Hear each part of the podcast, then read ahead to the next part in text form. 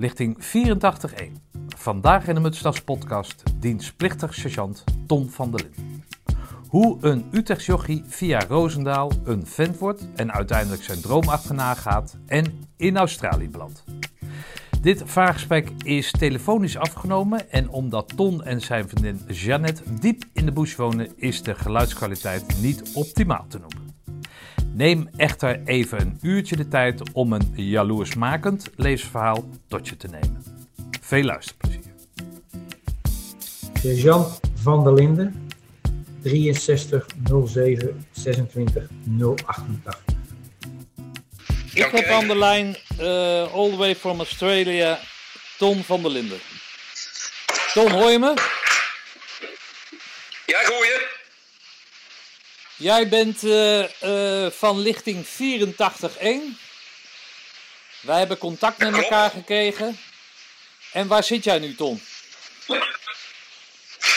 Ik zit in, uh, in het noorden van Wales. Uh, er zijn een aantal staten in, in Australië. En de grootste zijn Queensland, New South Wales en Victoria. En ik zit in het noorden van New South Wales. Het ligt aan de grens van uh, Queensland, wat uh, subtropisch, tropisch klimaat is. Oké. Okay. Maar jij komt gewoon uit ons stadje, hè? Uh, uit Utrecht? Ja, ja, ja. Utrecht, mijn graag, ja, graag, hè. Waar, waar ben je zo geboren en opgegroeid? In welke wijk? Ik ben geboren in Oudwijk. Ja. In een huis op de Frans Haalstraat. Ja. Toen uh, werden de geboortes nog thuis gedaan. Ben je zo oud al dan? En uh, we zijn, toen zijn we... Ja, ja, ja. Behoorlijk al. Oké. Okay. En, en, toen zijn we daar uh, een aantal jaar in Knalenland gewoond. Toen het nog wat beter was. Nu is het niet zoveel bijzonders meer geloof ik, als het toen keer was. Ja. En, en, daarna zijn we naar Nieuwgein gegaan. Oké. Okay. En dat was samen met je ouders? Ja, samen met mijn ouders. En toen ben ik uh, in dienst gegaan. En toen had ik al een vriendin. En toen ik uit dienst kwam, uh, ben ik uh, met haar samen gewoond, ook in Nieuwegein. Oké, okay. en jouw vriendin, vrouw, is, heet Jeannette? Ja, ja, ja. Oké. Okay. Jij hebt mij van de week een heel mooi filmpje toegestuurd. En uh, waarop twee mannen te zien zijn. Ik zal hem uh, toevoegen bij, uh, bij het publiek gaan van deze podcast.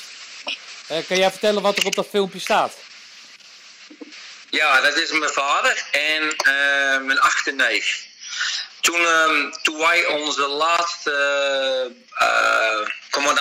commandantenmars deden, de laatste paar kilometers, toen hadden, ze, uh, hadden we het geluk dat uh, het korps had uh, jonge Nele Roosendaal ingehuurd om dat te filmen. Ja. Daarvan was dat ze ook wat mensen gingen interviewen die ja, ouders en dat soort dingen en vriendinnen. En, dat. en toen, ja, toen hadden ze ook mijn vader en mijn. Dus in 55 commando geweest en mijn achterneef is in in, in 70 jaar is hij uh, beroeps geweest bij, in Roosendaal. Oké. Okay. En dat filmpje, dat, uh, is dat ook nog landelijk gegaan of zo? Of, uh... Nee, dat was meer voor ons volgens mij. Ik, we konden die, die video dan bestellen. Ik weet niet of ze nog voor promotiemateriaal gebruikt hebben. Dat kan ook misschien, maar dat is volgens mij verder niet officieel op tv of dat soort dingen geweest. Dat dacht ik niet. Oké. Okay. Maar jouw vader is, uh, is commando geweest? Ja. En uh, toen jij uh, aangaf dat jij naar de commando's wilde, of hoe, hoe ging dat? Heeft hij jou daarin gestimuleerd? Of, Nou, helemaal niet eigenlijk. Ik, toen ik aangaf in eerste instantie van, ik zeg nou ik wil toch dienst in, ik wil misschien ook wel de commando's proberen. Toen was hij even stil, zei hij, dat is niet makkelijk jongen hoor. Toen zei je hard voor moeten werken. Ik zeg ja, dat geloof ik ook wel. Oké. Maar hij stond er wel achter, of? Uh... Jawel, jawel, jawel. Hij, was, hij vond het prachtig. Uh, hij, uh, ja, hij vond het... Het was ook mooi, want je, je, kan natuurlijk, en dat weet jij misschien ook wel, als je thuis komt na zo'n na zo'n klerenweek weer, dan kan je wel vertellen wat er gebeurd is, maar niemand begrijpt echt hoe vervelend en hoe, ja, hoe, ja, hoe brekend het kan zijn.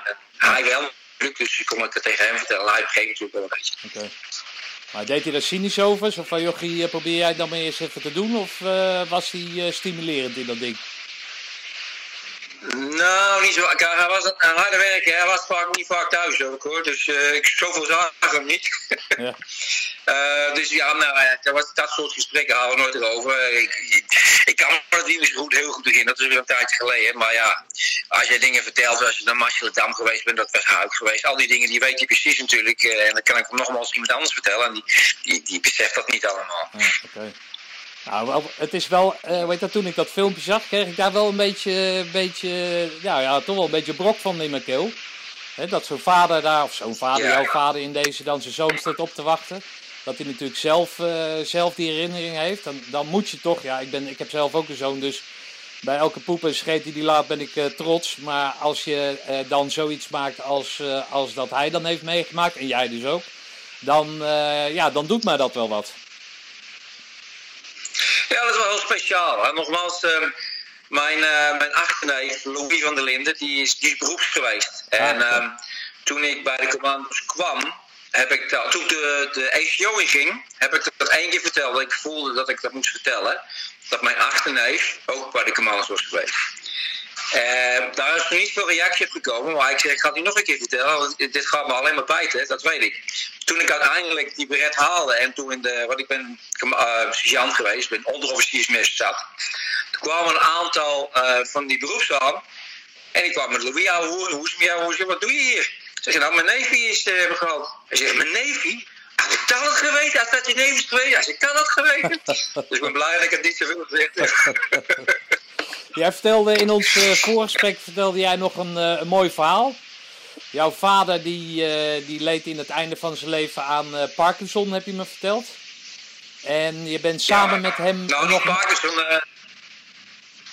dementie. Oh, dementie. Alzheimer. Okay. Alzheimer. Oh, Alzheimer, oké. Okay. Hey, ja, niet minder erg. Ik heb met mensen met dementie gewerkt, dus ik weet wat het, wat het behelst. je bent samen met hem naar, ja. een, naar de reunie geweest. Ja, toen woonde ik al in Australië. En hij was al in, in een stadium daar. Was niet in een super ver stadium, maar ja, hij kon zich niet veel meer herinneren. Hij kon niet echt alleen meer weg. En ik dacht van, nou, dit is de laatste keer dat ik waarschijnlijk met mijn vader naar de reunie kan. Dus ik ben toen naar Nederland gevlogen. En we zijn toen, uh, ook met mijn, met mijn neef dan, zijn we... Ja, in principe, dat was inderdaad de laatste uh, de reunie. Zijn we daar geweest en het was... Ik ben blij dat ik dat gedaan heb, want het is wel erg leuk geweest. Oké. Hey, 84-1. Uh, ik, heb in ik kom uit 82-6, mijn lichting was 82-6. Wat weet jij nog te herinneren aan ja. uh, instructeurs uit, uh, uit jullie lichting? Oeh, dan zeg je wat. Er waren een aantal waar ik even ontzag had, een aantal niet zo. Okay. Maar de namen, jeetje, mina. Ik had je nog gevraagd om je voor te bereiden, Tom. Kom op nou, hè.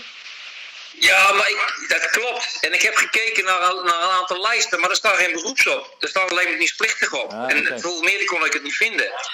Nee, um, maar jouw tenten, um, tentenkampcommandant, wie was dat dan? Was dat Koedam toevallig of niet? Nee, dat was ook niet. Dat was. Um, oh, ook die naam had ik nog op moeten zoeken. Uh, oh, uh, de commandant? Ja. Ja, dat was Van Wiegen. Ah, Van Wiegen. Oké. Okay. Nou, heb je een pittig haar gehad, denk ik? Ook een Utrechtenaar. Is dat Utrechtenaar? Ja, ja. Want hij uh, vertelde dat ik. In, hij, hij vroeg toen ik. Uh, dat kwam en zeg. Uh, woon je in Nieuwegein? Ja. Zijn vader had een patatzaak in Nieuwegein. En daar was ik wel eens geweest. Oh, joh. Oké. Okay. Ja, hij is net afgezwaaid als brigadegeneraal. Ja. Dus die heeft een, een, een, aardige carrière gemaakt. Ik heb in het boek wat ik van uh, een mede-pelotonsgenoot heb ge gekregen, uh, het boek Commando voor iedereen een aanrader, heb ik jullie uh, lichting even opgezocht. En jullie zijn op 27 april 84 zijn jullie binnengekomen met 42 mensen. Ja. Waarvan vier ja. onderofficieren, nou dat ben jij dus. Of nee, vier officieren ja. en vijf onderofficieren. Ja. Oké, okay, hoe heb jij die, hoe heb jij die commando oplichting, of oplichting, op, opleiding, heb, hoe, heb je die, hoe heb je die beleefd? Jij, jij, je vertelt net dat je vader natuurlijk een bepaalde achtergrond heeft, je achterneef. Dus je was daar eigenlijk al een beetje op voorbereid wat je, wat je daar zou kunnen treffen. Hoe, is dat, hoe heb jij dat ondergaan? Die, die vooropleiding, wat, wat voor mensen kwam je tegen? jij was dan natuurlijk beoogd nou, onderofficier. Ja, ik, ik zou je vertellen, je kan je niet echt voorbereiden op zoiets. Hoor. Dat vind ik tenminste. Je kunt wel verhalen vertellen, maar als je het niet echt zelf meemaakt, dan kan je niet voorbereiden. Dus dat uh, heb ik ook niet kunnen doen. Um, ik, ik kwam uit, ik zat op de MTS en ik moest uitstel vragen, omdat ik eigenlijk op diensten moest, maar ik had mijn school niet af. Dus toen heb ik uitstel gevraagd, had ik mijn MTS afgemaakt. En ja, dan moet je dus weer dienst in. Maar dan moet je wachten tot ze je weer oproepen. En niemand geeft je een baan als je uh, moet nog dienst moet. Dus toen heb ik gezegd van nou, kan ik niet eerder? Hij zegt ja, dat kan als je onderofficier wilt zijn. Dus toen ben ik als onderofficier in Ermelo opgekomen. Want ik was eigenlijk, was het uh, van uh, de lichting ervoor, drie, wat is het, uh, 84 1, 86 of 82 6 geloof ik. Ja. Um, maar dat maakt verder niet uit. Um, en toen heb ik de eerste twee maanden in Ermo gedaan. En toen zijn, kwamen ze. Ik had hetzelfde verhaal als Ron trouwens. Want ik had ook, omdat ik mijn neef konde, die beroeps was, al aangegeven dat ik enigszins interesse had om bij de commando's te gaan. En hij heeft toen ook had je dat een tak geregeld om een keuring alvast te doen voor, voor het dienst inging. Ah, Dus ik ben daar toen nog op school. Ik ben op, toen ik op school zat, ben ik daarheen gereisd en heb ik een keuring gedaan. En toen kwamen ze in Ermelo vragen of, uh, of de mensen naar de commando's wilden. En toen zei ik van nou, ik heb al een keuring gedaan in principe. En zegt nou ja, als dat zo is en als je koepeltest goed is, dan, uh, dan uh, neem je hem wel mee. Dus zodoende is het eigenlijk gegaan. Okay. nou, dus ik heb dus onderofficier heb ik het gedaan. Als ik het ooit over mag doen, ga ik het, doe ik het nooit meer als onderofficier, dat weet ik wel. Want? Ga nou niet lopen klagen, hè? Omdat je nu al. Nee, nee, nee, nee. Ik heb uh, altijd gezegd, uh, toen ik net uit de dienst kwam, uh, tegen mijn vriendin gezegd, dat doe ik nooit van mijn leven, zou ik nooit van mijn leven meer doen. Maar nu zeg ik, nou ja, ik doe het wel, maar niet als onderofficier.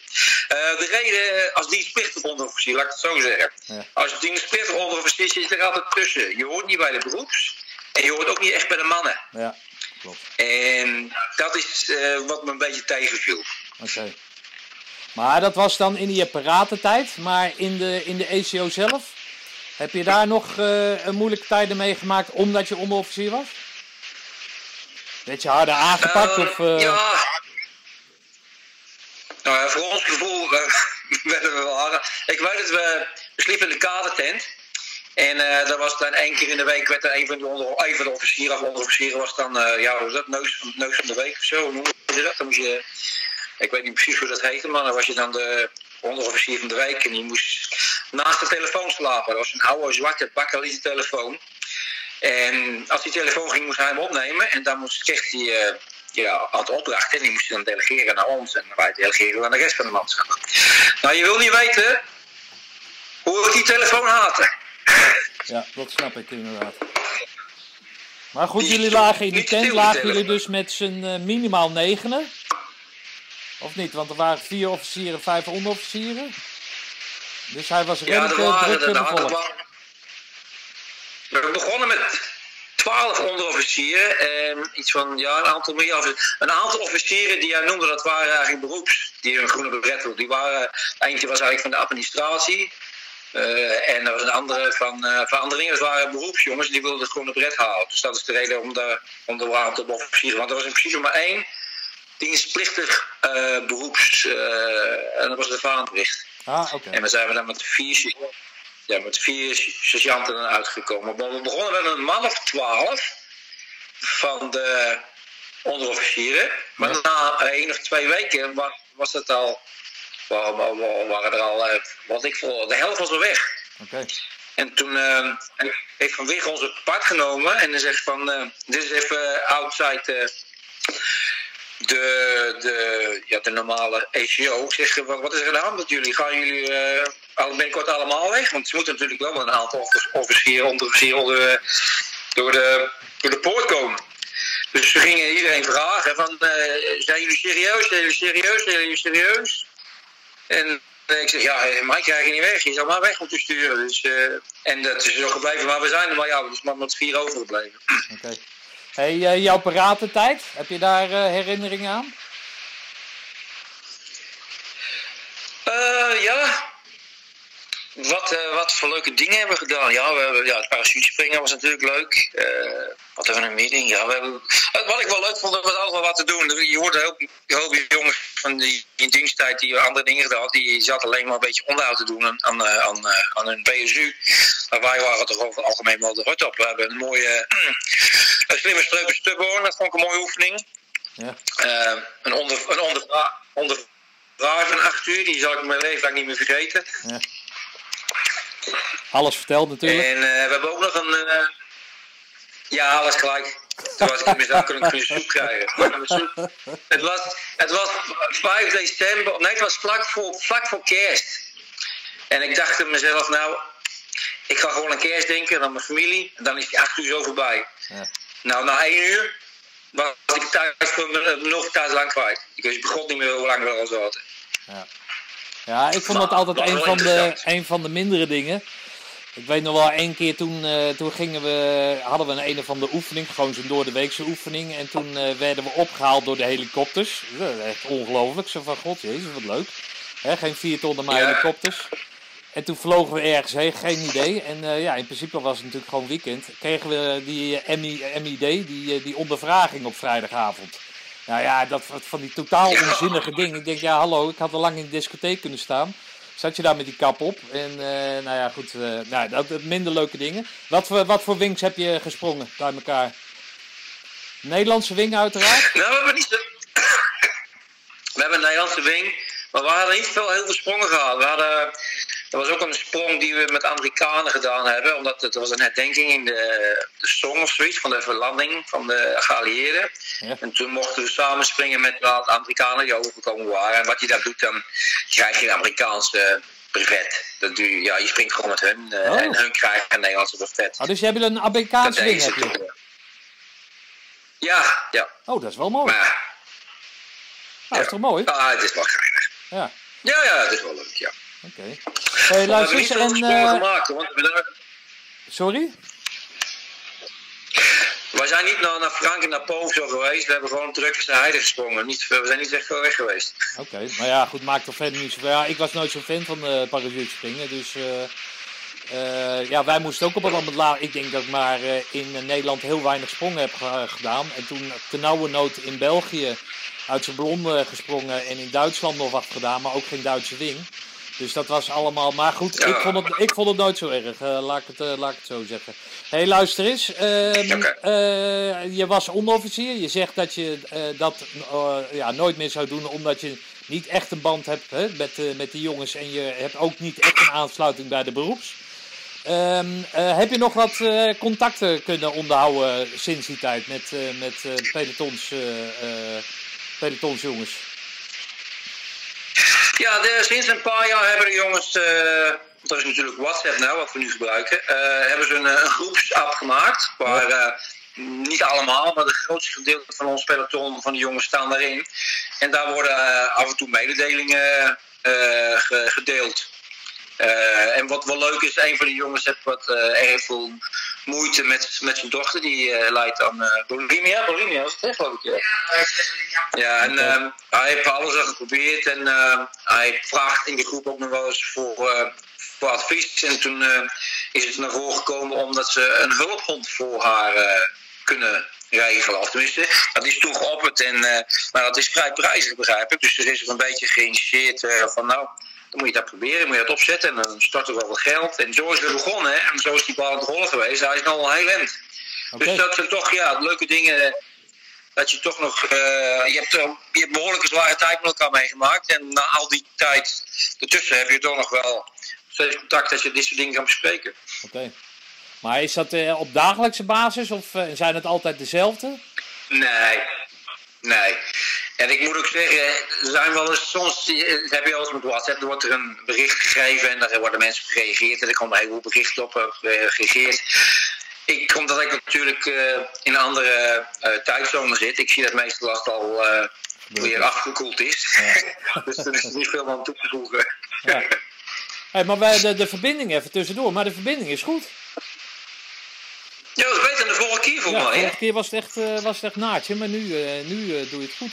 Hé, hey, luister eens, je, je, gaat, je gaat de dienst uit, je neemt, je neemt afscheid. Je gaat werken in de IT, heb ik begrepen. Ja, En dan besluit jij en uh, Jeanette samen om onder de bruiten aan te geven in Nederland. Kan je daar eens wat over vertellen? ja. ehm, ja wij, zijn- wij eh, hebben alle twee een redelijk goede baan. We zijn van, al een tijdje geleden, voordat we eh, deze beslissing namen, in Australië vakantie geweest. En we waren alle twee eh, wel redelijk verliefd op het land, laat maar zeggen. Ja. Maar ja, dat was vakantie, dat is natuurlijk wat anders. Ehm, maar toen, ehm, ja, toen kwam er een, een mogelijkheid, of tenminste, ze, hadden het bedrijf waar ik werk, dat was een Amerikaans bedrijf, die hadden een Europees eh, hoofdkantoor wat in, eh in Driebergen was toen. Maar ze hadden ook in Asia Pacific zijn ze, waren ze een, een, eh, een kantoor opzetten, dat was in Sydney in Australië. Maar ja, dat waren ze net weer begonnen. En mensen met ervaring hadden ze natuurlijk niet. Dus ik had toen voorgesteld, dat luisteren, als jullie mijn eh, verhuizing betalen en dat soort dingen, dan wil ik wel gaan. Ik dacht, nou ja, er zal toch niets van komen. Maar daar wel op gekeken, gereageerd van, nou oké, dat, dat willen we wel, eh, wel doen. Zeg van, nou oké, nou moet ik eens even met mijn vriend- mijn overleggen, wat die wil. En eh, die had een hele goede baan bij ASU, dat was het hoofdapothekersassistent daar. Ik zeg, ja, wat dacht je ervan? Eh, om de boel te pakken en eh, om die kant op te gaan. Ze zei, ja, is goed. Ik zeg, nou ja, oké, laten we het iets langer geven. Laten we een weekje over nadenken. En dan eh, na een week, als we nog steeds over nadenken, dan zeggen we, oké, dan laten we eens kijken wat we gaan doen. En na een week dachten we er steeds hetzelfde over. Eh, en toen is de bal gaan rollen. Eh zij heeft de baan opgezegd. En ik heb mijn baan opgezegd hier. En ik zou een baan daar aan, aangeboden krijgen. En toen zijn we op ja, in januari 97 zijn we vertrokken. Voor twee jaar zou het zijn. Oké. Ja. Eh, maar na die twee jaar werd er aan mij gevraagd: zou ik weer, wil je nog wat lang blijven? Ja, ik, ja, we alle twee waren wel. Ik had het gelijk aan mijn zin. Net hadden wat langer nodig, want ik had natuurlijk een baan, ik had collega's gelijk en zij had het natuurlijk niet, dus dat was voor haar wat eenzamer. Maar na een aantal maanden had ze het ook wel naar de zin, had ze ook wel een baan gevonden in een ziekenhuis, vlakbij waar ik werkte. Eh, maar toen, ja, toen werd dus gesteld of ik nog langer wilde blijven. Dus nou, we kunnen nog wel een visum aanvragen twee of vier jaar. Zeg nee, zeg, als je me wil houden, dan moet je me een permanent visum geven. Want ik wil in principe wel blijven, ik wil niet echt meer terug. En toen zei ze, oh, oh, ja, oh, oké. Nou, dus uiteindelijk hebben ze het allemaal lang verhaal kort gemaakt. Dat het gelukt. Dat is niet zo makkelijk om een permanent visum aan te graven binnen Australië. Omdat over het algemeen willen ze dat niet. Want als dat afgewezen wordt, dan zit je nog steeds in Australië en dan krijgen ze het misschien niet uit. Maar door een aantal eh, eh, dingen te volgen, eh, is dat wel gelukt. Dat heeft een tijdje geduurd hoor. En dus zodoende was ik toen een permanent, resident. En ja, een paar jaar geleden heb ik gewoon mijn nationale, nationale aangehaald. Want die komt toch niet meer terug naar Nederland. Dus eh, dat maakt niet zoveel meer uit. En wat voor een baan had eh Jeanette eh, daar gevonden? In het ziekenhuis, maar in haar oude, in haar oude beroep van apotheker of, of wat? Ja, is allemaal een beetje anders in Australië. Zoals gewoonlijk natuurlijk. Want in, in Nederland een apothekersassistent is een redelijk uh, goede baan. Hier, en dan moet je zelf vier jaar gestudeerd om dat te doen. Hier kan iedereen in principe apothekersassistent worden. Dus eigenlijk een apothekersassistent in Nederland is een beetje bijna op het niveau van apotheker hier. Ja, oké. Okay. Maar ja, ze heeft dus, ze heeft dus niet papieren. En en die worden niet overgedragen. Australië heeft wat dat betreft uh, een beetje raar uh, verdragen soms. Uh, want in principe die diploma's zijn net zoveel waard, misschien nog meer. Maar die worden niet erkend daar. Dus dan moest je weer naar de universiteit dus gaan studeren. Dat had ze dus niet gedaan. Ze heeft er een aantal jaar gewerkt. En toen had ze de beduiding van... want ze werd wel namelijk al het werk gegeven wat ze kon. Maar ze werd er niet voor betaald. Ja, ja. Okay. Um, en toen heeft ze bij de bank gesolliciteerd. Een grote bank in Australië. De National Australia Bank. En, en, daar is toen een baan gekregen. En daar zit ze nu 23 jaar, is het net? Uh, oh, 22 jaar. Daar is ze niet meer weggegaan. Dus. Oké. Okay. hey, luister eens, en, uh, en hoe vond ze dat dan? Uh, dat je dan bij een bank gaat werken terwijl je anders uh, voor iets anders bent opgeleid? Zit dat dan in het, in het, in het overleefd tussen haakjes? Of, of hoe, hoe, hoe, moet ik dat zien? Nou, ze, ze pakt vrij dingen makkelijk op. ze houdt, in apotheek is ook veel betalen werken en bij de bank weer ook. Dus dat ging redelijk makkelijk. En ja, ze vonden het wel leuk, een beetje contact met klanten hebben. En ja, dat was redelijk snel overgaan. Dat was geen enkel probleem. Het is jammer dat ze er geen gebruik maken van haar diploma's meer, of van haar kennis. Maar ja, ze doet het nou zo lang, ze hebben het ook wel redelijk naar de zin. Oké. Hey, dus jullie krijgen een, uh, een permanent visum. Betekent dat dan ook dat je, dat je dan officieel geïmigreerd bent? Of hoe werkt dat? Nou, permanent visum niet. Dan moet je elk jaar, elke vijf jaar moet je dat weer aanvragen. Dat is in principe, je hebt wel een visum wat, wat oneindig is. Maar je moet een, een, visum aanvragen zodat je het land in en uit mag. Dan moet je elk vijf jaar vernieuwen. Maar je, je, je, hebt een permanent visum, dus je, je, je woont gewoon permanent. De mogelijkheid is dat het visum, dat gebeurt er niet veel, een keer ingehouden kan worden. En dan ja, dat mag er dus niet meer terugkomen. Ik wil dat allemaal gewoon voorkomen en ik, ik, en ik heb geen problemen mee om, om, om het land meer te geven wat me te gast heeft. Dus ik ben gewoon Australië geworden. En dan heb ik dat niet meer. Ik ben gewoon nou Australië. Ik heb een Australisch paspoort en dat soort dingen. Maar jullie hebben geen uh, dubbel paspoort dan, of wel? Nee, dat mag niet. En dat oh, vond ik interessant van, uh, van uh, was het Ben? Nou, die, die zat te vertellen dat hij een aantal wegen gevonden had dat hij zijn Nederlandse paspoort wel kon houden. Maar ik heb oh ja, Bos, ja. ja, klopt. Ja, ja Milieu was dat. Ja. Ja. ja. Um, maar ik, ik, ik, ik, ik heb er naar gekeken, maar ik, uh, dat kan maar niet. Als je, als je een andere nationaliteit aanneemt en je woont niet langer dan zes maanden in Nederland, dan krijg je gewoon geen Nederlands of, uh, uh, paspoort meer. Nee. Maar is het dan zo dat als je, of gevoelsmatig, als je een uh, Australisch uh, paspoort neemt, dat je dan dus dan ook afscheid neemt van het Nederlanderschap? Voelde je dat dan ook echt zo? Zijn jullie dan echt bezig om Australië te worden op zo'n moment? Of hoe, hoe werkt dat? Ja, nou, dat is precies zoals je zegt.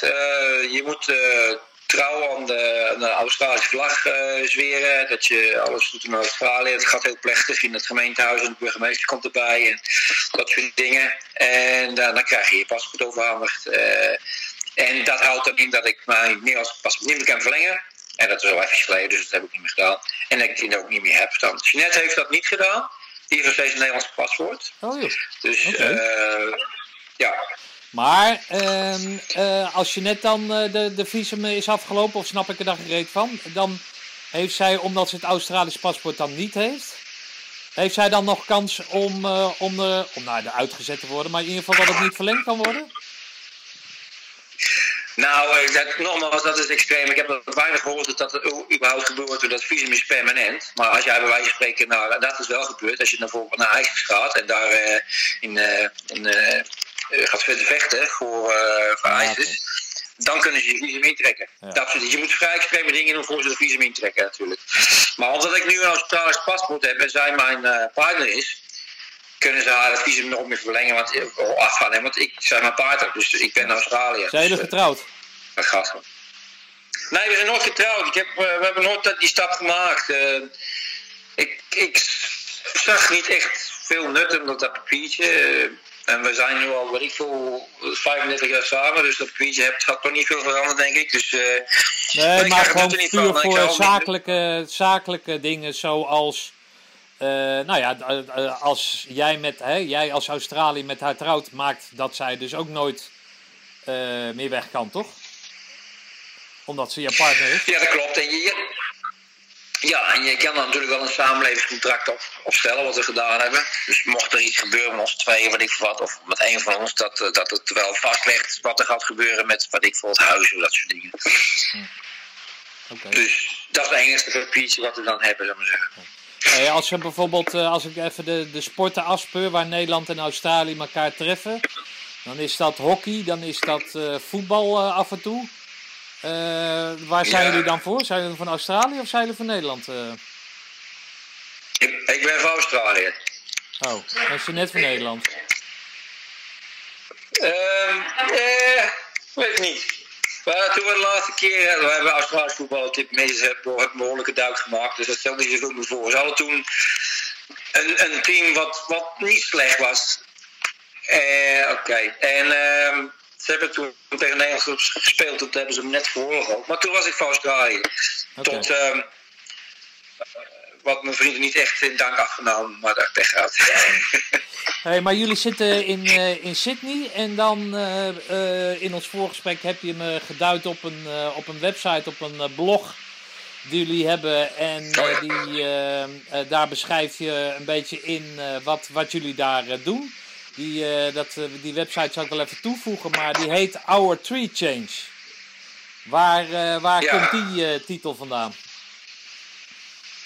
En Australiërs hebben heel veel. ehm Australië is een beetje een eigen taal, want ze hebben voor een heleboel dingen een afkorting. Ze korten Engelse woorden af. En in het begin, als je naar Australië komt, dan kan je er best moeite mee hebben. Maar ze hebben voor elk hebben ze een woord. Nou, ze hebben, als je bijvoorbeeld in de stad woont en je wil niet meer in de stad wonen en je wil aan het strand gaan wonen, aan de zee, dan noemen ze dat, oké, eh, ik wil een sea change hebben. Ja. Een, een sea change, een zeeverandering. Paar hebben het ook overgesteld gedaan. We zijn in de bossen gegaan. Toen moest een tree change, Ah, een boomverandering. oké. Maar wat ik begrijp is eh, dat jullie wat- eh, eh, diep, eh, diep Australië in zijn eh, getrokken. Dus vanuit de Nou, stad zeg maar naar het platteland. Ja, dat wel. Eh, het kost ons 25 minuten om bij eh, eh, een dorp te komen. En dat is niks hoor, in Australië. Dat is absoluut niks. Dat is, eh stelt geen moe voor. Want de afstanden hier zijn, eh, ja, om, om, ja, zijn bijna niet uit te leggen hoe groot die zijn. Ehm, maar we zitten wel in een stuk bos hier. Eh, We hebben één buurman die hiernaast woont. En voor de rest hebben we geen buren. En we wonen op eh, ja, 24 hectare bos. En het bos, het Australische bos, dat is eigenlijk een van de grootste redenen waarom ik in Australië zit. Toen ik hier op vakantie was, werd ik daar verliefd. En dan bijkomend de tijd die we in, in dienst in de bossen hebben doorgebracht. Daar heb ik ook een beetje tik van overgehouden. Ik graag in de bossen overleef, zou ik maar zeggen. Ehm, is een van de grootste redenen dat we hier terechtgekomen zijn. Want wij hebben geen services hier. We hebben ons eigen regenwater, ons eigen drinkwater, veroorzaken, uh, elektriciteit, uh, sewage, al dat soort dingen. Dat moeten we allemaal zelf uh, regelen, want dat is het allemaal niet. Hey, maar hoe werkt dat dan? Dus je, je zit in de stad, dan ga je met je net overleggen van we gaan de stad uit. Waar, waarom ga je de stad uit? Ja, dat geeft je net aan dat je dol bent op de bossen, maar je bent toch met je bent met z'n tweeën. Hoe, hoe, heb je ze net heb je ontvoerd of zo? Hoe, hoe doe je dat dan? ja, nou, dat, dat hebben we samen overlegd. we wilden gewoon iets meer grond hebben. En uh, we hadden wel een lekker stukje grond in, in Sydney, hoor, in de buitenwijk van Sydney. Maar we wilden gewoon iets meer grond hebben. Uh, iets aan de leven. Uh, waar we gedeeltelijk in geslaagd zijn. en, en dat is uh, in, in, in, Sydney niet echt te veroorloven. Dat is allemaal zo duur uh, om, om nog meer grond te hebben. Dat is niet te veroorloven. Dus uh, waar we nu zitten, is het een stuk goedkoper allemaal. En de bedoeling was dan ook, want ik, heb, ik werk een stuk minder. Omdat hier gewoon niet genoeg voor werk is. Je blijft even hangen. Tot de heden hebben we dat niet, ja, dat we niet echt kunnen regelen. Oké, okay, maar als dus jij zegt steeds, een stukje meer land... Jij hebt het over 24 hectare. Nou heb ik van Keizer, een, een andere kerel uit mijn ja. die ik uh, geïnterviewd heb, heb ik begrepen dat een hectare zijn twee voetbalvelden. Dus als, jij vier, als jullie 24 hectare hebben, heb je dus 48 voetbalvelden. Nou snap ik dat Sydney duur is dat je een, een kleine achtertuin hebt, maar het, het is de overgang van, uh, van een, uh, nou laat ik het zeggen, een gemiddelde achtertuin naar 48 voetbalvelden. Is die, vind je die stap niet een beetje groot?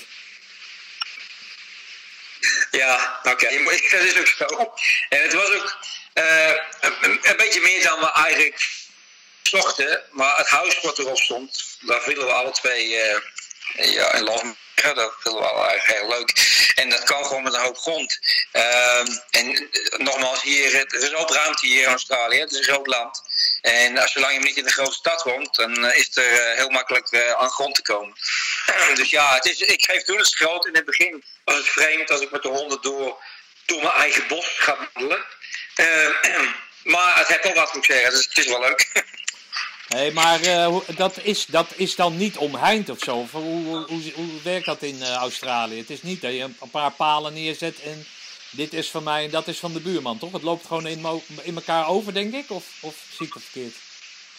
Ja, het zijn redelijk, de, de, zijn redelijk gelegde lijnen, maar het is te groot om. Je kan het wel vensteren, zou ik zeggen, maar dat is te veel. Want het is, het een kilometer lang.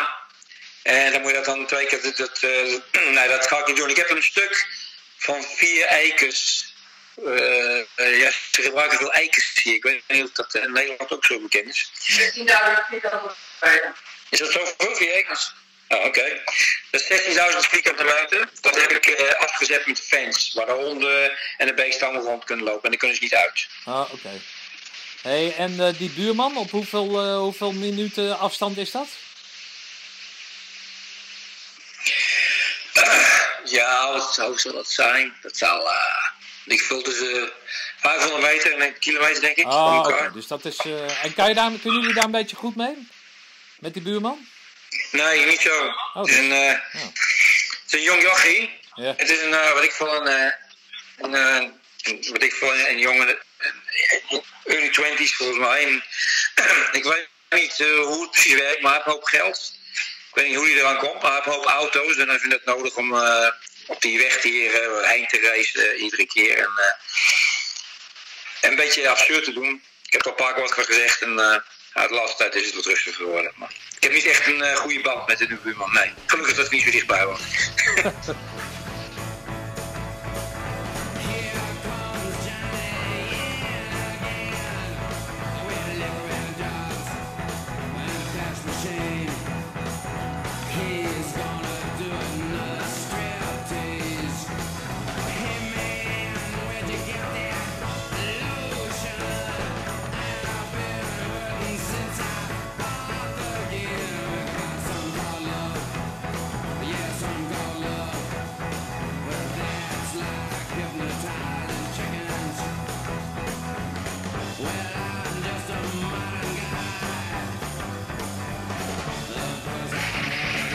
Eh, jullie zitten dus in de, in the middle of nowhere.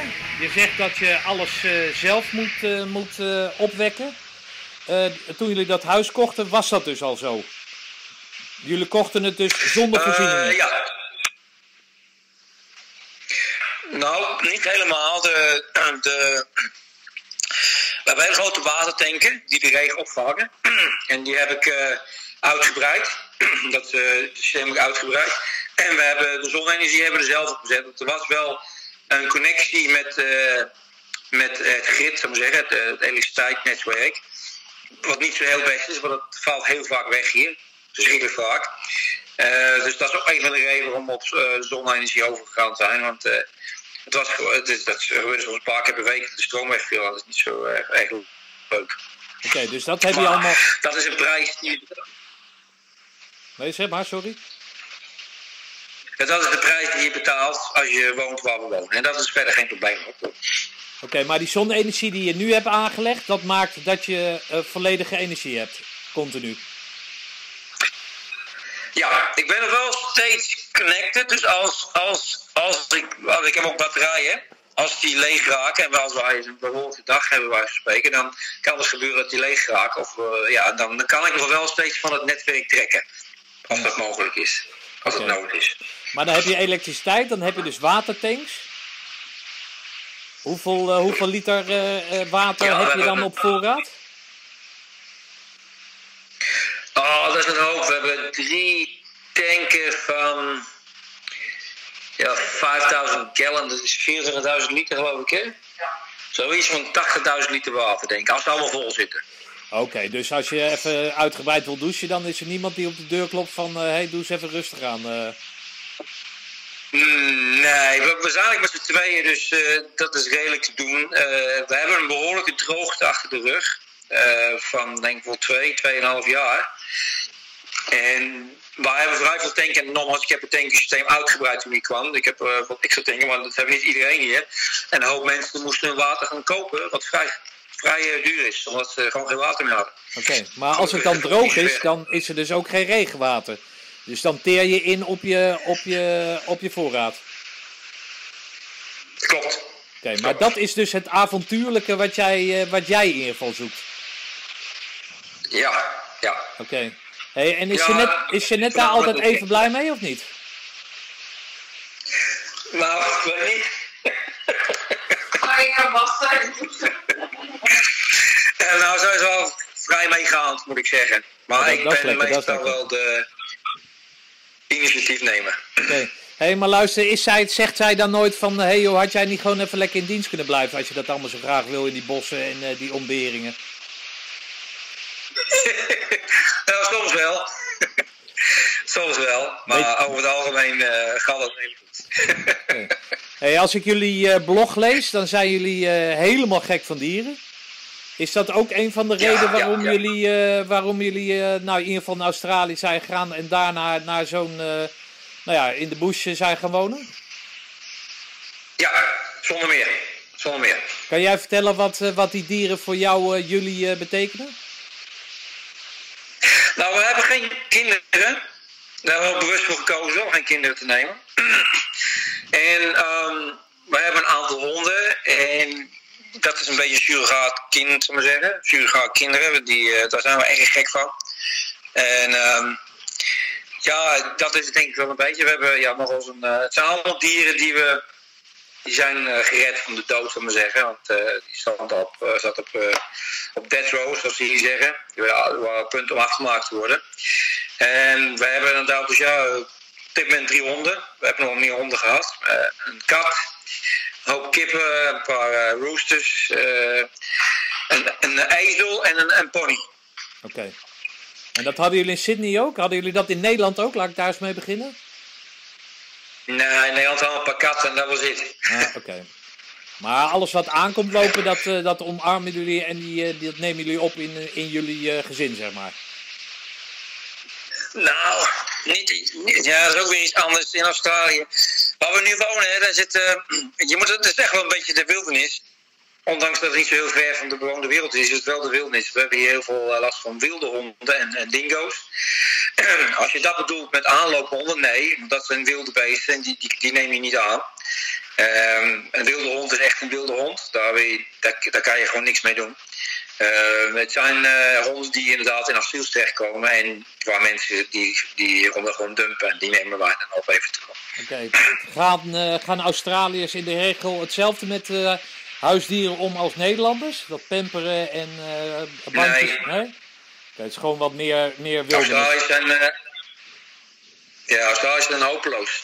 Ja, oké. En hu- een huisdier is gewoon een, eh, een, een ding. Het is, eh, honden worden hier gewoon eh, gezien als gebruiksvoer. oké. Hey, mag ik eens vragen waarom jullie geen kinderen wilden? Nou, ik, ehm, ik en dan net ook dan. ehm, ik, dacht het leven is gewoon eh, makkelijker zonder kinderen. We, we hebben wel nog heel redelijk wat gereisd. Ja. Ehm, en deze stap die we nu genomen hebben, die, die neem je ook als je kinderen hebt. Maar het is allemaal weer wat moeilijker. Eh, met school en dat soort dingen. Het, het maakt voor ons het leven iets makkelijker. En ik heb nooit echt de drang gehad om een vader te worden. Als je net ook niet zo om moeder te worden. Dus ja, en tot nu toe hebben we er nog geen spijt van gehad. Dus, eh, Oké. Zijn er mensen in eh, Australië, Ik heb- ja, die hebben natuurlijk allemaal, hè, de een heeft kinderen, de ander heeft geen kinderen, maar krijgen daar vragen over waarom je geen kinderen hebt? Ehm, ik weet dat eigenlijk niet. Nee. Niet echt, geloof ik, hè? Nee, nee. We hebben, we hebben bijna al onze vrienden, het grootste gedeelte van onze vrienden hebben allemaal wel kinderen. Dus we, we zien regelmatig kinderen. En ik vind de kinderen ook eh, best wel leuk, hoor. Maar ik vind het ook niet erg als ze weer weggaan. Oké. Hey, hoe, eh, hoe is jullie eh, sociale leven als je in de, in de bush woont? Ja, ehm, ik, ik ben geloof ik een van die personen die erg, erg makkelijk vrienden maakt. Eh, toen wij eh, vanaf Sydney hier naartoe verhuisden, ja, kenden we niemand hier natuurlijk. Want je begint, het is eh, ongeveer zes, zes uur rijden van, van hier naar Sydney. Dus het is een behoorlijke afstand. Dus de vrienden die je in Sydney had, ja, die zie je gewoon niet echt veel meer. Ja. Met enkele uitzondering.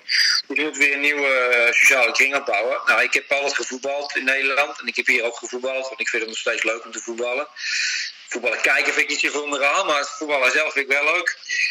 het voetbalniveau is niet natuurlijk hetzelfde als in Nederland, maar het is nog steeds wel leuk. En je maakt vrienden. En ik heb eh, voor, denk ik, 80% of 85% van al mijn vrienden, die komen toch van het lid zijn van een sportvereniging. In dit geval voor voetbal. Eh, dus ja, dat heb ik hier ook weer gedaan. Ik heb weer een hoop vrienden gemaakt. Dus eh hebben we vrienden zat, te veel zelfs, denk ik. Hey, kan, jij, kan je een beetje voetballen? Nee, joh. Nee, ik ben eh, een average, average player. Ja, maar je hebt- je komt van, eh. Je komt van Zwaluwe, hè? Hier uit, eh, hier uit Utrecht. Hoe is het? Ja, he- ja, heb je ja. nog, Oh, heb ja, je nog veel vrienden hier in Nederland? Of hoe, zit, hoe zit dat? Ja, ook weer, we natuurlijk dat WhatsApp hebben. De, de, de wereld is een stuk kleiner geworden met, met al die communicatiemiddelen. En, en ja, met, met die jongens heb ik nou bijna dagelijks contact. Oké. En dat zijn jongens uit Utrecht, gewoon vanuit, eh, vanuit de buurt vroeger. Ja, waar ik mee gevoeld heb. Oh, oké. Hey, en hoe, hoe kijken ze tegen zo'n avonturier eh, als, eh, als jou aan? die jongens die hier in Utrecht wonen? Ja, mooi. Er zijn een aantal zijn er langs geweest ook. Die zijn, dan hebben we ons bezorgd. Niet iedereen. Maar ja, die vinden het prachtig. En ja, dat was toch zo. eh, toen wij die stap maakten, er waren maar weinig mensen die dat eigenlijk konden begrijpen hoor. Want waarom zou je dat doen? We hadden twee een goede baan. En waarom zou je dat achterlaten? Eh, en ehm, ja, een aantal vrienden die dachten van, oké, ja, het klinkt leuk. Maar eh, ik, ik begrijp ook niet zo goed waarom je dat deed. Maar ja, inmiddels zijn er een aantal mensen hier geweest. Toen we in Sydney wonen en waar we nu hier wonen. En ze zeggen allemaal zo, ja, oké, ik begrijp waarom je het gedaan hebt. Maar begrijp je waarom je het gedaan hebt? Omdat ze je kennen, of omdat ze jullie kennen, of omdat ze dat zelf ook zouden ambiëren? Of, eh, of- Ja, dat is, eh wordt gezien als een hele grote stap. Eh, en dat wel al zeggen, een hele grote stap, hele grote stap. Maar ik, ik vind dat wel meevallen eerlijk gezegd. Toen wij dat, die stap maakten, toen hebben we ons huis verkocht. Op de koop gezet, want we hadden het niet verkocht toen we weggingen. En, ehm, en we, vlogen naar Sydney toe. Nou ja, als eh, we hadden met elkaar afgesproken, Jeanette en ik. Als we na zes maanden nog niet gewend zijn, dan moeten we toch wel hard gaan nadenken of we misschien terug moeten gaan. Ja. Maar als dat zover had gekomen, hadden we op het vliegtuig gestapt en hadden we in huis gegaan. En dan hadden we misschien eventjes bij wat familie in moeten wonen. En dan hadden we gewoon weer opnieuw begonnen. Het is niet zo'n grote stap, vind ik hoor, eerlijk Ja, gezegd. Hey, maar eh, als je met z'n tweeën dat eh, avontuur aangaat, dan moet je wel heel zeker van elkaar zijn, of niet? Ja, nou, dat is 100% waar. Jeanette is mijn, eh, mijn soulmate. En ehm, zonder haar hadden we, had ik, we het nooit kunnen redden. Dat ik. zei, eh, het is, eh, we zijn, eh, ze is mijn, eh, mijn vriendin, maar ze is ook mijn, beste vriend. Oké. Hey, hebben jullie veel ruzie, of hoe, hoe, gaat dat bij jullie? Af en toe natuurlijk wel. Elke goede gezin is zoals jullie. Als er geen ruzie is, is het ook niet goed hoor. Nee, oké, maar goed, je kan nog eens even zeggen in de stad, kan je nog zeggen van, nou weet je wat, Bas maar even, ik, ik loop wel even naar het wet toe, dan ga ik even een biertje drinken en dan kom ik later terug. Nou hebben jullie natuurlijk veel grond en vooral Ja. grond van jezelf waar je op kan rondlopen, maar ja, op een gegeven moment moet je toch weer naar huis. Hoe, hoe, hoe gaat dat dan? Nou ja, dat, dat soort dingen hebben we niet zoveel. Dus eh, waarschijnlijk is dat geen Oh, nou probleem. ja, dat is toch alleen maar goed. Heerlijk man, als je dat... eh, ja. Ja, dat, dat is natuurlijk ook een voorwaarde, denk ik. Dat, dat hele onthazen, dat hebben jullie dan zeg maar helemaal tot levenskunst gemaakt, toch? Dat hele wat, sorry? Onthaasten. Een- gemiddeld Nederlands gezin die, eh, die eh, staat vroeg op. Eh, als je kinderen hebt, dan, of als je een hond uit hebt, dan, dan laat je die hond uit voordat die eh, opgehaald wordt door de uitlaatservice.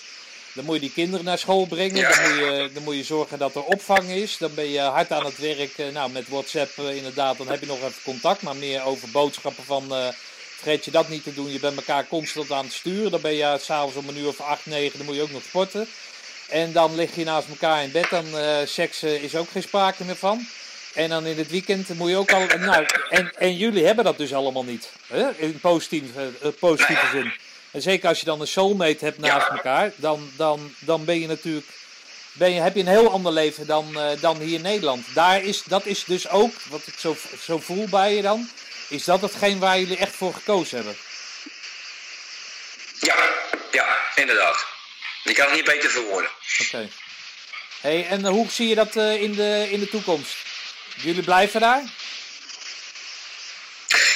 Nou, um, ik moet reëel zijn. ik ben nu 57 en begin al te merken toch wel dat ik wat ouder word. Dit is een behoorlijk stuk grond en dat moet onderhouden, of er moet een gedeelte onderhouden worden. Er vallen bomen om, die moet je opruimen. Die moeten, de, er zijn eh, dingen die kapot gaan, die moet je zelf repareren. Want er komt niet echt mensen langs hier om dingen te repareren. En dat is allemaal geen probleem. Dat vind ik hartstikke leuk om te doen. Er is een hoop gras wat gemaaid moet worden. Er moeten heel veel dingen gedaan worden.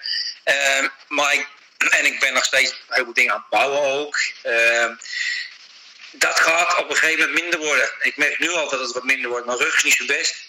Ehm, en op een gegeven moment dan kan je dit soort dingen niet meer doen. En dan moet je reëel zijn. Dan moet je toch waarschijnlijk iets anders gaan zoeken. Maar voorlopig gaat het wel. Maar ik, ik, ik, zie niet in dat ik uh, hier heel, oud geworden. Omdat ik graag zo hier blijven tot ik dood ga. Ik denk niet dat dat gaat gebeuren. Oké, maar zien jullie de toekomst dan uh, in Australië? Want, want het klinkt een beetje alsof je dan terug naar, uh, naar Utrecht gaat?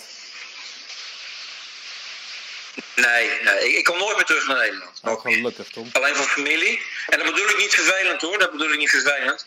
Maar ik, ik zou niet meer kunnen wonen in Nederland. Uh, nogmaals, als ik terug ga om mijn familie te kijken, vind ik het heerlijk om in Nederland te zijn.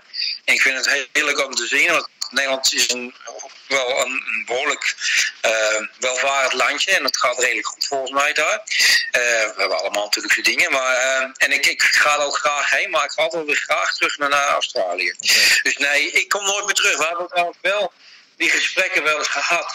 Van als, als je net bij spreken komt overlijden. Wat, wat ik dan ga doen. Nou ja, dan blijf ik hier gewoon. En, en dan waarschijnlijk ga ik wat reizen of weet ik veel wat, maar ik, ik ga niet terug naar Nederland. Dan, als je net dezelfde vraag stelt, dan weet ze het niet helemaal zeker. Misschien dat ze wel terug gaat, maar dat weet ze niet zeker. Maar goed, dan hebben we het over overlijden. Maar als, stel voor dat overlijden, ja. stel dat je nou, nou ja, wat je zelf al aangeeft, dat je, dat je wat minder in vorm uh, raakt.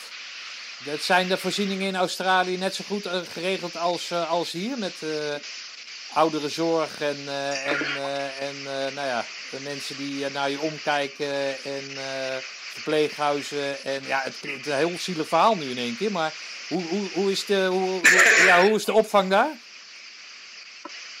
Nou, over het algemeen de medische opvang en dat soort dingen. En, en dat soort dingen voor ouderen is allemaal een stuk minder hoor dan in Nederland. stukken minder. Um, ja, we hebben we hebben, we hebben geen hypotheek meer, dus we, hebben, we, we, we zijn de eigenaar van, de, van het land en het huis. We hebben alle twee. Ze hebben iets in Australië doen ze superannuation, dat is een soort pensioenfonds wat de, de werkgever betaalt. Uh, en daar blijft in staan. Dat komt op top of je normale, ik weet niet hoe het in Nederland heet eigenlijk, als je, als je uh, is het AOW of zo? Als je, ja, zoiets, ja, ja. Als je oud niet ja, en dan komt dan op top nog je pensioen die is afgebouwd. Nou, zoiets hebben ze hier ook. En dan hebben we ook wat redelijk wat geld staan. Dus um, wat ik denk dat er gaat gebeuren is als op een gegeven moment de leeftijd bereikt dat het te veel wordt om dit te onderhouden. Dat we misschien een ander huisje dit verkopen, een ander klein huisje kopen hier vlakbij is een klein plaatsje, zeg ik het aan de kust, aan het strand. Het is een hele mooie plaats. Lekker rustig klein dorpje aan het strand. We daar misschien een klein huisje kopen en dat we onszelf kunnen zorgen. Of anders inderdaad. Uh, ik denk niet dat ik graag naar het huis ga. Alleen als het echt moet, maar dat zegt iedereen natuurlijk. Hè? Nee, dat, zou, ja, dat, dat is niet gebonden aan het land. Uh. Nee. Nee, oké, okay, maar goed, avontuurlijk als je bent, ja, dan, dan, dan zal je dat op de leeftijd dat jullie daarheen zijn gaan, zou je dat niet echt onder ogen hebben gezien. En ja, ik voel het natuurlijk zelf ook, dat je wat ouder wordt. Dus ik ga er ook niet elke dag over nadenken. Maar ja, af en toe denk je wel eens van ja, hoe moet dat nou, weet je wel. Uh, en dan kan ik me voorstellen dat dat daar wat avontuurlijker is dan dat, het, uh, dan dat het hier is. Aan de andere kant, ik heb nu een aantal mensen die in een verpleeghuis zitten. Nou, dan wil je ook niet doodgevonden worden. Of levend gevonden worden, uh, om het zo maar te zeggen. Dus ik denk dat dat, ja, qua gevoel is dat, is, zal, dat, zal dat niet anders zijn. Hey, ik vraag eigenlijk aan iedereen die ik uh, interview, uh, wat heb je aan je, aan je groene beret uh, gehad? Nou, dat is bij jou eigenlijk, eigenlijk wel duidelijk. Hè? Zonder die groene beret nou, had je misschien dat virus uit de bossen niet meegekregen. Mee en had je dan niet naar Australië gegaan? Of is, heeft dat altijd in je gezeten? Nou, ik ben altijd wel, ik ga graag een, een, een, challenge aan. Dus ik, ik, ik, ik hoe noem je dat? Een uitdaging. Ik, ik, ik, ga, ik, ik, ga graag uitdagingen aan. Wat ik, eh, en dat had ik wel voor mij voor ik in dienst gaat ook. Maar wat ik wel, ik heb twee toch wel hele belangrijke dingen geleerd uit dienst. Dienst hebben me wel gevormd. De, dienst uit in, in, in Roosendaal heeft me zeer zeker gevormd. Zo, door de persoon die ik nu ben. En, en de twee belangrijkste dingen die ik eruit meegekregen heb, is ehm, niet zich gaan opgeven. Ja. Eh, maar dat zegt iedereen natuurlijk, maar dat hebben we ik. Ik geef niet gauw op, eh, ondanks soms is er geen uitzicht, maar ik geef niet op en uiteindelijk komen we er dan toch. En die andere belangrijke, ik, ik heb verschrikkelijk veel. nou, nee. Sorry, dat laatste moet je even halen. want Ik, ken mensen vrij snel lezen. En dat heb ik. Ik heb vrij veel mensenkennis opgedaan in, in dienst. Oké, Ik, ehm, ik heb eh, heel veel mensen gezien en ik, eh, ik, ik kan al redelijk snel mensen lezen eh, na een kort gesprek wat voor persoon het is. En over het algemeen zit ik daar redelijk goed mee. Dus die twee dingen heb ik eigenlijk wel geleerd oké. Maar ehm, dat, dat is toepasbaar. Ja, in Australië zou je dat natuurlijk ook hebben, maar daar kom je een stuk minder mensen tegen. Dus dat, daar heb je wat aan gehad. Heb je nu natuurlijk nog steeds. Je komt niet zoveel mensen tegen, dus de mensen die je tegenkomt, ja, die moet je. Ja, de selectie is gewoon een stuk kleiner natuurlijk, omdat er gewoon minder mensen zijn. Maar ja, het neemt niet weg dat het wel handig is als je mensenkennis hebt, inderdaad. Maar, maar vergeet niet, we hebben twaalf jaar in Sydney gewoond. Hè? Dat is een van de grootste steden in de wereld. Ja, Er wonen uh, 7 miljoen mensen en daar waren wel een hoop mensen. En ik heb van, eh, in IT-tijd heb ik erg veel rondom de wereld gereisd. Ik heb veel mensen ontmoet. En daar was het toch wel handig om, te, om een beetje kennis, mensenkennis te hebben. Ondanks dat het andere culturen waren. Oké. Hey, ehm, hoe gaan de, de komende vijf jaar, wat, wat, wat zie jij, ik heb het natuurlijk al gevraagd, maar eh, hoe, hoe, eh, hoe, hoe zie jij jezelf? Je, je klust af en toe nog bij op, eh, op het internet, hè, om het zo maar te zeggen, omdat je de IT-achtergrond hebt, eh, kan je natuurlijk veel via de computer doen. Eh, dat, de land onderhouden, eh, de liefde met eh Jeanette eh, op peil houden en voor de rest? Ja, ik denk dat je dat wel een beetje zo hebt dan. Wat verdomme saai, Tom. Hè? Ja, het leven is niet slecht hier hoor. Leven is niet slecht hier. Hey, even een andere vraag. Hoe doe je boodschappen? Is dat in dat dorpje waar je het net over had? Ja, het dorpje waar je net woont, of je net woont, waar je net, als je net werkt, daar is een, eh, een supermarkt, een groot, nou, een groot eh, winkelcentrum, of een redelijk groot winkelcentrum waar je alles kan kopen. En er zit ook nog een plaatsje wat wat verder in het zuiden ligt, dat duurt misschien, eh, wat zal het zijn, 40 minuutjes om daarheen te rijden. Dat, is- dat is Kosthaven, dat is eh, wat groter. En daar, is, daar kan je bijna alles vinden, dus eh, eh, we kunnen alles wel krijgen. Oké, maar dat zijn er nog Nederlandse dingen die je mist en die je daar niet kan krijgen? Nou, dat hebben mensen natuurlijk wel vaak aan me gevraagd. En dan ben ik al heel graag vanuit te zeggen: nee, ik mis helemaal niks uit Nederland. Maar dat is niet waar. Want ik, als ik terug ben, dan zijn er toch een aantal dingen die ik als eerste ga doen. En dat is eh, een haringje eten. Ja. Want dat vind ik nog steeds erg lekker. En die hebben ze hier niet. Eh, een beetje zoute drop, echte zoute drop eten. Dat kennen ze ook hier niet. Het enige wat ze kennen is Engelse drop, maar dat is niet te vreten, vind ik. Eh, en wat ik ook erg lekker vind, is het, eh, het broodbeleg in Nederland. Ja, ja, oké. Ik was een beetje vergeten, als je bijvoorbeeld naar Albert Heijn loopt, hoeveel verschrikkelijk veel verschillende broodbeleggen, hoeveel, hoeveel eh, vleeswaren je eigenlijk hebt in Nederland. Dat, eh, dat heb je hier niet. Je hebt ham en, eh, en dan misschien nog een beetje wat anders, maar net wel een beetje gaaf. Ja, nee, dat kan ik me, kan ik me voorstellen. Kan me voorstellen. Mijn eh, vader die heeft een vriendin al ook al 30 jaar, maar die heeft twee dochters in Australië wonen en die vertellen dat ook. Dus daar, daar kan ik me inderdaad wel, wel wat bij voorstellen. Hey Ton, Ja. ja, ik, ik ben een, een, een stukje meer over je te weten gekomen. Eh, hebben we alles besproken of wil jij nog, eh, wil je nog wat kwijt? eh? Nou, ik denk dat het voor mij allemaal wel een beetje. Kano. Oké. Dit. Oké, ja, nou, we hebben. we zijn twee jaar geleden hebben we twee kayaks gekocht. En ehm, Oké. ja, we, we hebben natuurlijk wat gekayakt ook in, eh, in dienst. Eh, En we gaan nu met z'n tweeën kijken, we zitten hier verderop, zitten wat mangrove moerassen. En daar kun je verschrikkelijk mooi kano hoor. Of kijken, hoe je het noemen wil. Ja. En dan gaan we heen en dat is eh, erg leuk. Het is prachtig. Het is, eh, het is, je hoort helemaal niks. Je hoort alleen wat vogeltjes. Je ziet eh, de pijlstad roggen voor je kano, of voor je uitspringen uit het water. Je hoort alleen wat vogels. Dus het is echt, als, als je tot rust wil komen, moet je dat soort dingen doen. Eh, en dat, eh, ja, dat heb ik nu al even niet gedaan, maar eh, dat is erg leuk, ja. Hey, als je dan daar zo met z'n tweeën vaart. En kijk je elkaar dan aan en eh, hoef je dan niks te zeggen om te weten dat je, dat je een mooi leven hebt? Ja, nee, inderdaad. Je kijkt gewoon, je luistert en je ziet gewoon aan elkaar gezicht dat je gewoon erg van geniet. Het is, je hebt gewoon niks te zeggen. Je, je ziet het gewoon, je weet het gewoon. Het is gewoon... Eh, ja, dat is heel moeilijk uit te leggen. Je moet het gewoon ondergaan en dan, kan je, dan begrijp je echt eh, hoe het is. Maar het is eh heerlijke, rustgevende omgeving. Ben je gelukkig, Tom? Ja, ik, ik, ik moet zeggen dat ik voel me ook zeer vereerd dat ik zo'n leven mag, dat ik leven, dit leven mag leiden. Nou, superman. Eh, het gelukstraaltje straalt, straalt van je af, ondanks die bril en, en je kale kop. Bijna kale kop. Maar ja, dat is de leeftijd, Tom. Dat is de leeftijd. Het komt niet zozeer dat je uit Utrecht komt. Dat is gewoon de leeftijd. Het is niet anders. Nou, zeg je Ja. makkers nog even bij. Ja, oké, eh, de groetjes aan iedereen die dit beluistert. En eh, ik vind dat je een, eh, een wereldjob doet, Stefan. Ik vind het een heel leuk initiatief. En het kost je best nog tijd, denk ik, om, om dit te gaan doen. En ik vind het erg leuk en ik blijf het zeer zeker volgen. Ik wens je heel veel succes met dit. Oké. Nou, de groet aan Jeanette. En eh, we spreken elkaar. Groetjes terug. Oké. Oké, We houden man. contact, kerel. Joe. Groetjes. Doei, doei. Nou, dat was hem dan weer. Wat een leven, wat een avontuur. Ton en Jeanette, dank voor het mooie verhaal. En veel liefde, geluk en rust gewenst. Oh ja, als laatste. Ton schaamt zich voor het feit dat hij zijn maat Michel Rietheide niet genoemd heeft. Sorry Michel, we hebben contact.